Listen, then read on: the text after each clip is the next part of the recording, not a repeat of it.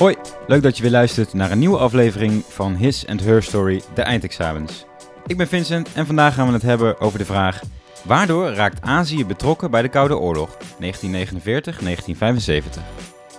Wanneer je eindexamen geschiedenis doet op de HAVO, dan mag je deze aflevering vandaag lekker overslaan en heb je een vrije dag en gaan we morgen weer verder met de volgende aflevering. Doe je eindexamen op het VWO? Luister dan nu vooral verder.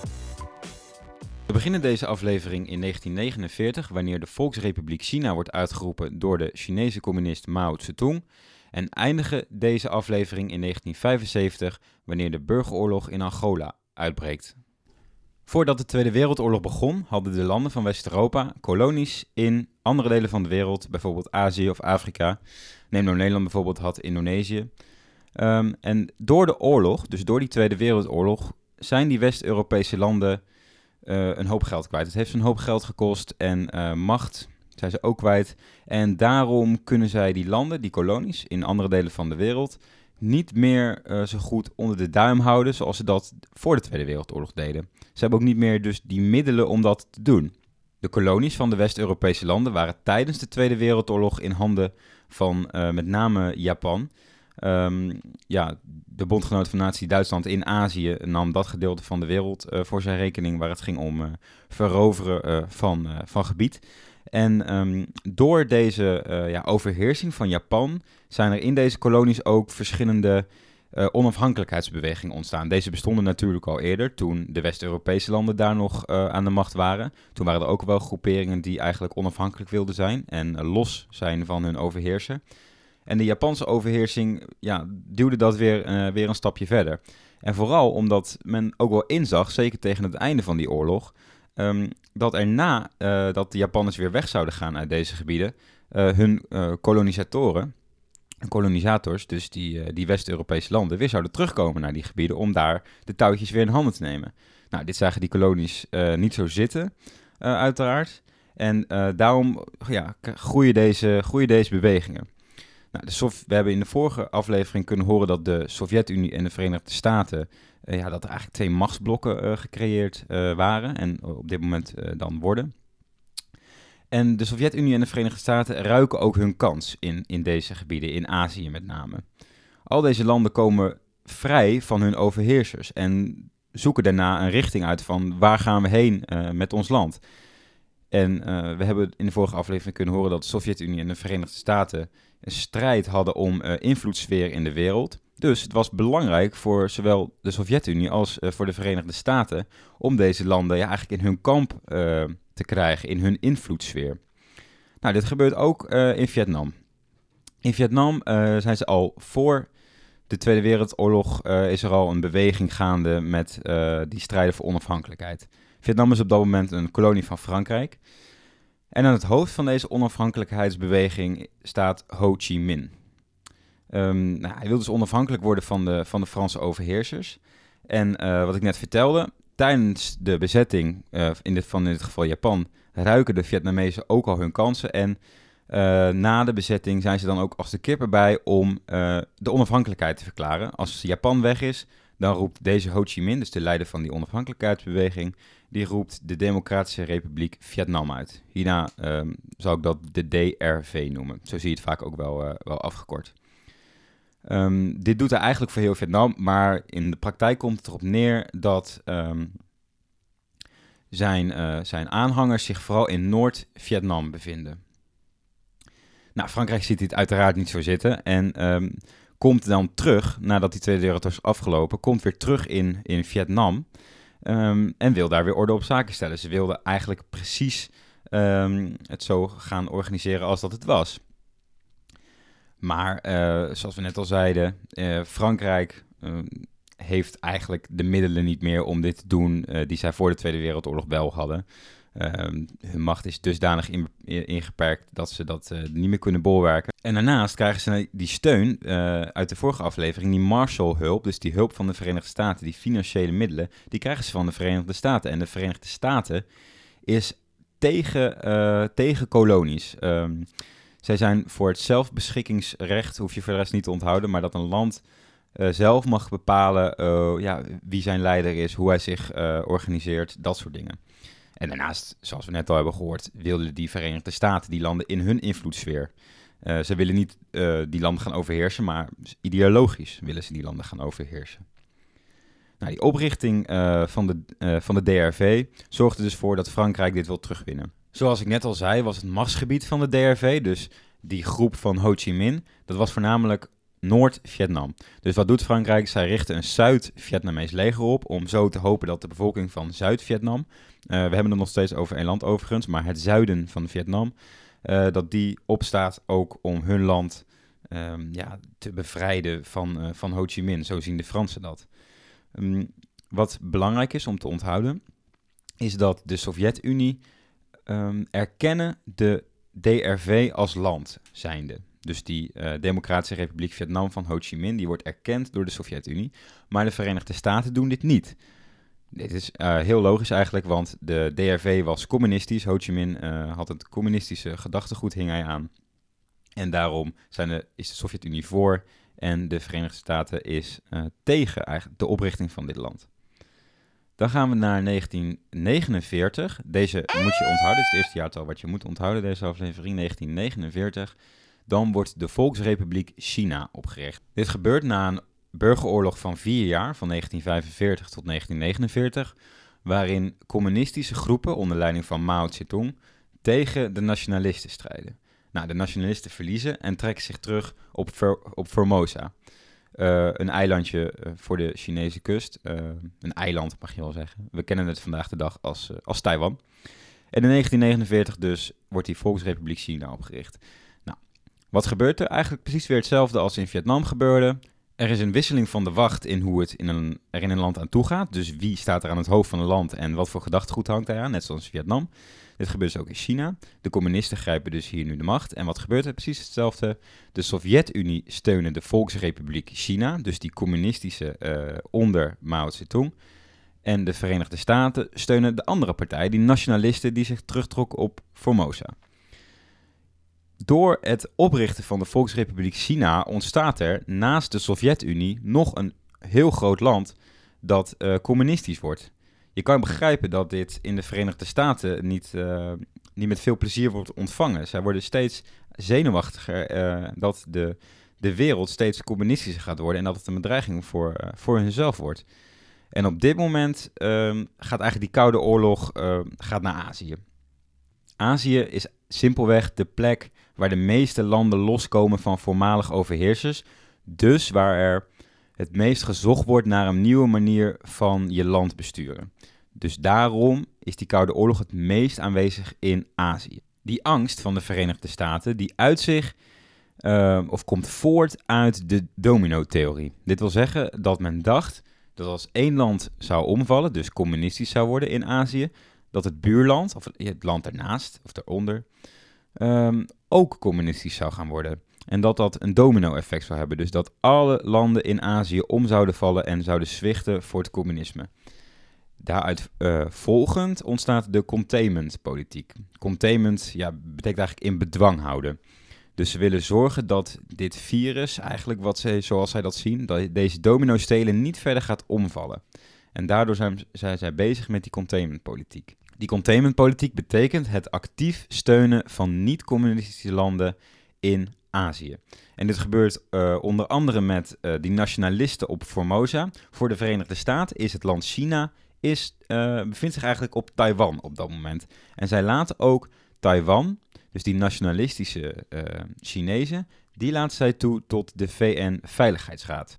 De Sovjet-Unie wil dat communistisch China lid wordt van deze veiligheidsraad. Maar de VS, eh, dus de Verenigde Staten, willen dit uh, uiteraard niet en vetoen uh, dit voorstel. En op dat moment boycotten de Sovjet-Unie die vergaderingen van die VN-veiligheidsraad. Zij zien deze politiek van de Verenigde Staten, waarin dus ja, Taiwan wel wordt toegelaten tot deze veiligheidsraad en communistisch China niet, dus die Volksrepubliek China niet. Dat zien zij als westers imperialisme. De Sovjet-Unie en de Verenigde Staten komen steeds meer tegenover elkaar te staan uh, in Azië. Dus tussen die landen die moeten gaan kiezen tussen deze twee invloedssferen. Dan komen we nu bij een nieuw gebied en daarmee ook een nieuw jaartal dat je moet gaan onthouden. En dat is 1950. In 1950 begint de Koreaoorlog. Al in 1945 was Korea uh, gesplitst in twee uh, delen, in Noord- en Zuid-Korea. Het begin van deze Koreaoorlog is wanneer het communistische noorden, dus dat noorden was ook na de Tweede Wereldoorlog, stond onder gezag van de Sovjet-Unie, terwijl het zuiden onder gezag stond van de Verenigde Staten. Dus dat was al zo. Maar in 1950 valt het communistische noorden, valt het zuiden binnen.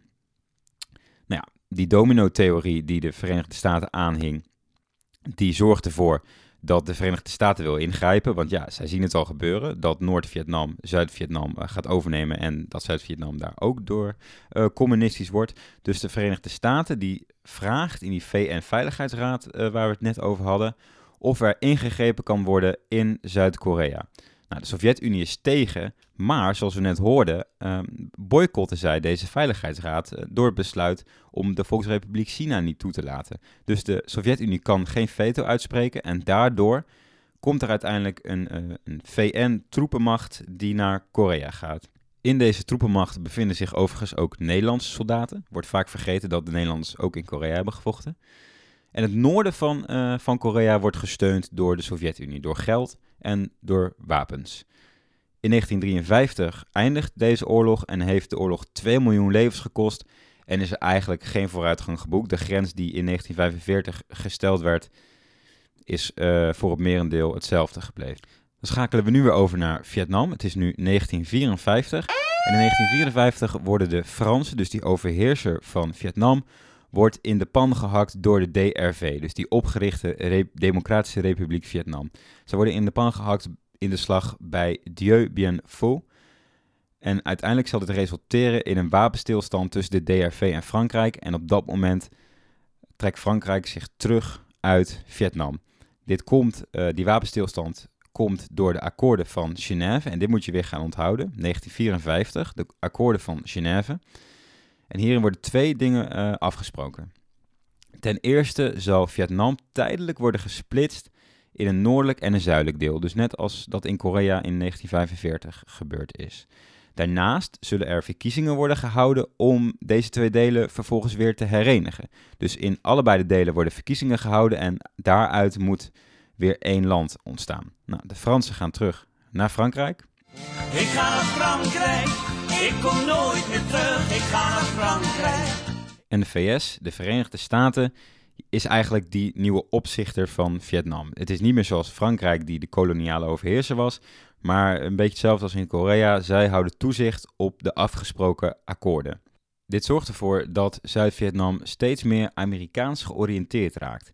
Dus dat wil zeggen dat ze de Amerikaanse manier van leven steeds meer gaan overnemen. Daarnaast worden er militaire adviseurs vanuit de Verenigde Staten naar Zuid-Vietnam gestuurd. Dus geen soldaten, maar militaire adviseurs. Die moeten ervoor zorgen dat het Vietnamese leger ja, wordt onderwezen en uh, helpen eigenlijk met de organisatie uh, daarvan.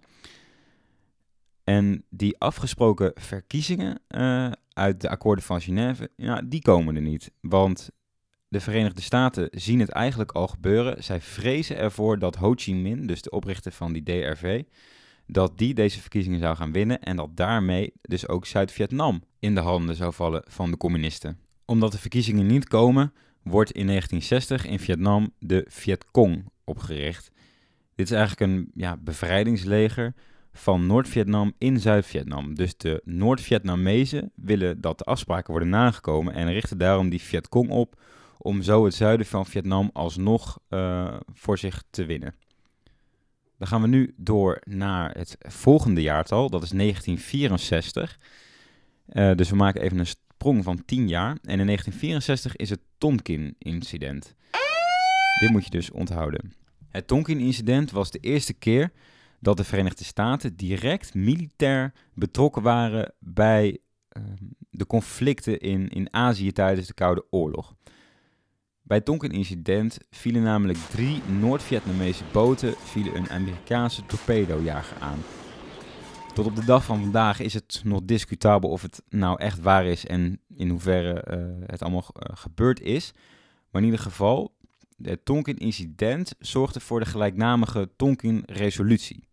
En in deze resolutie werd er afgesproken dat de Amerikaanse president Lyndon B. Johnson geen toestemming meer van het congres. Dus de Amerikaanse Tweede Kamer uh, hoefde te vragen om oorlogsmaatregelen te nemen. Dus dat wil zeggen het sturen van troepen of het bombarderen, dat soort dingen.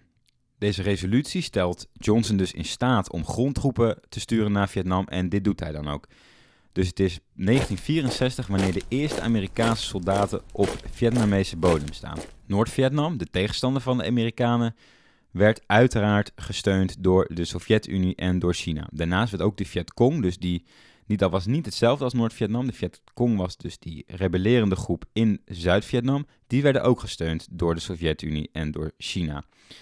Nou, naarmate de oorlog vordert, worden er steeds meer, steeds meer troepen richting uh, Vietnam gestuurd. Steeds meer Amerikaanse troepen, wordt er steeds meer gebombardeerd.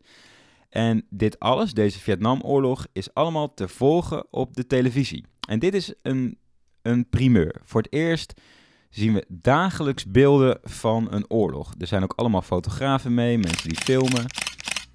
En doordat dit op televisie komt, ontstaat er veel protest in allerlei verschillende westerse landen. Uh, bijvoorbeeld Nederland. Er wordt stevig uh, gereageerd op wat de Amerikanen allemaal doen in Vietnam, hoe heftig zij vechten, hoe heftig zij bombarderen. En dit gebeurt niet alleen in alleen maar andere landen uh, van de wereld, dus die westerse landen, maar dit gebeurt ook in de Verenigde Staten zelf. And we would like the whole world to know why we are meeting here. The President of the United States, as you know, who said he was getting elected to end the war, turned out to be very far from the truth. De eigen bevolking van de Verenigde Staten keert zich tegen, tegen de oorlog met Vietnam. En ik zeg de eigen bevolking, maar eigenlijk wordt deze uh, Amerikaanse bevolking wordt in tweeën gesplitst. Er is sprake van verdeeldheid tussen, ja, tussen twee generaties. Je hebt de wat oudere generatie die de crisis van de jaren 30 hebben meegemaakt, die gevochten hebben in de Tweede Wereldoorlog of het hebben meegemaakt. En je hebt de generatie daarna die geboren zijn, de zogenoemde babyboomers, na de Tweede Wereldoorlog. Dus die eigenlijk, ja, alleen de Koreaoorlog, maar toen waren ze eigenlijk nog heel klein, hebben ze meegemaakt. Maar zij weten niet precies wat oorlog is en hebben daar ook niet zo'n gevoel bij. En dit zie je overigens ook in die andere westerse landen. Voor die eerdere generatie waren de Amerikanen de bevrijders. Maar voor die nieuwe generatie zijn de Amerikanen eigenlijk de nieuwe koloniale overheersers van de wereld. En hier komt men uh, stevig tegen in protest. En dit zorgt er dus ook voor dat de Verenigde Staten echt zijn aanzien in de wereld verliest. Tot dan toe waren het die bevrijders uit de Tweede Wereldoorlog. En dan ja, breekt dat steeds verder af. En de Verenigde Staten uh, ziet ook wel in dat het allemaal niet meer zo gaat uh, zoals van plan was toen ze erin stapten. En willen zo snel mogelijk uit de Vietnamoorlog stappen.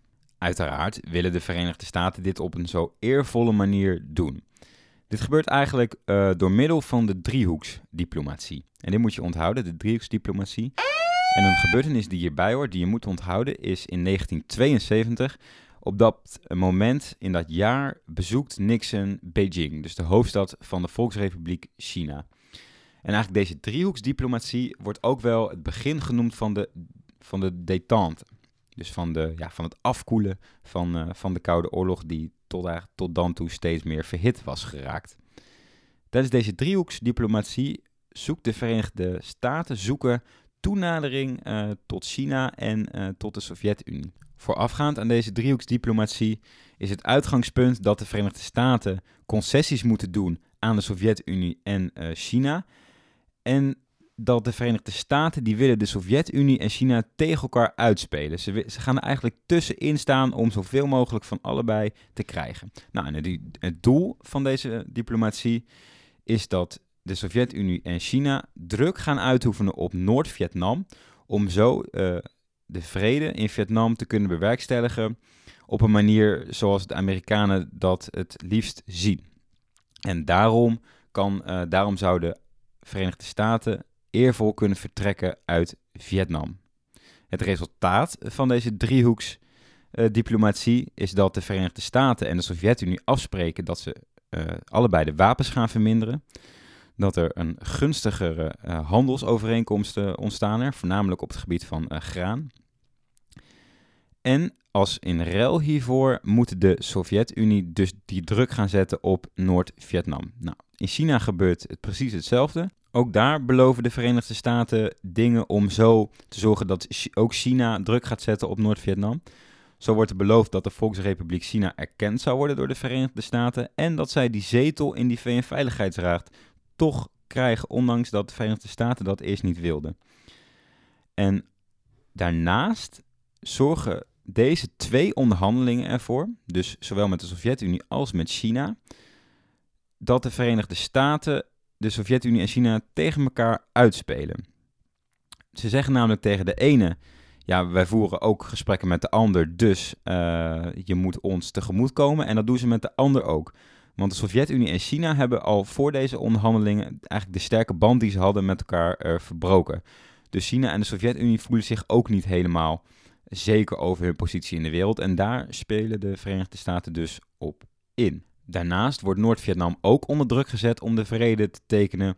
Doordat de Verenigde Staten in 1973 de luchtbombardementen steeds meer intensiveren en dat er in dat jaar de meeste bommen van de Vietnamoorlog worden gegooid.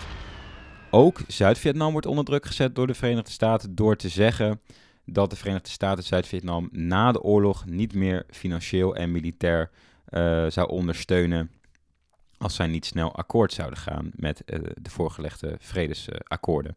Uiteindelijk in 1973, dus in datzelfde jaar, worden, wordt de vrede in Vietnam gesloten tijdens de Parijse akkoorden.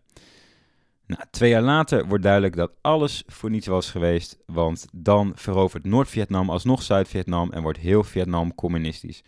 Dus die oorlog waar, uh, waar de Verenigde Staten waren ingestapt om de domino-theorie, dus het voorkomen dat landen om zouden vallen voor het communisme, ja, die is eigenlijk voor niets geweest, want dit is alsnog gebeurd. Dan komen we nu in deze lange aflevering alweer bij het einde, namelijk het eindjaar 1975. We maken de sprong van Azië naar Afrika, want ook in Afrika is er sprake van dekolonisatie. Dus dat die overheersers van die kolonies afstand gaan nemen van de landen en dat de landen onafhankelijk worden. Dit gebeurt later dan in Azië. Um, en de Verenigde Staten en de Sovjet-Unie zien net zoals in Azië dat hier dus weer kansen liggen om een invloedssfeer uit te breiden. Een voorbeeld van deze dekolonisatie is het onafhankelijk worden van Angola van hun voormalig overheerser Portugal. Dit gebeurt door een lange tijd van strijd, van onafhankelijkheidsoorlog tegen Portugal en eigenlijk na 1975. En je moet deze, dit jaartal overigens onthouden, dus de onafhankelijkheid van Angola in 1975, gaan de partijen die eerst samen streden tegen de Portugese overheerser, gaan de strijd met elkaar aan. Dan heb je aan de ene kant, dus aan de linkse kant, en dat wil ook zeggen de communistische kant, heb je de MPLA. En die werden gesteund door de Sovjet-Unie en door Cuba. En aan de andere kant, aan de rechtse kant, heb je de FNLA en UNITA. En die werden dan weer gesteund door de Verenigde Staten en door Zuid-Afrika. En zo zie je dat dit precies weer hetzelfde is als dat er in Azië gebeurde. Een land komt los van zijn voormalig machthebber en is op zoek naar een nieuwe manier van, uh, van bestuur. Nou, in Angola zijn er dus twee groepen die daar verschillend over denken. En deze twee groepen worden, net zoals in Korea, net zoals in Vietnam, ondersteund door de verschillende landen, door die twee machtsblokken. In 2002 komt deze burgeroorlog pas ten einde in Angola. Nou, hiermee zijn we alweer aan het einde gekomen van deze aflevering. In de volgende aflevering, die overigens minder lang gaat duren, omdat het simpelweg makkelijker is om de vraag te beantwoorden, gaan we in op de vraag Waardoor loopt de Koude Oorlog op kritieke momenten niet uit op een directe militaire confrontatie tussen beide grootmachten, tussen 1955 en 1963. Bedankt dat je weer luisterde naar een aflevering van His and Her Story, de eindexamens. Vergeet ons vooral niet even te volgen op Instagram en het liefst een 5 sterren recensie te geven op Apple Podcast. En vertel het door aan iedereen die ook eindexamengeschiedenis doet, dat dit de manier is om je voor te bereiden en om zo een hoog cijfer te halen voor het eindexamen. Bedankt dat je luisterde, tot de volgende keer.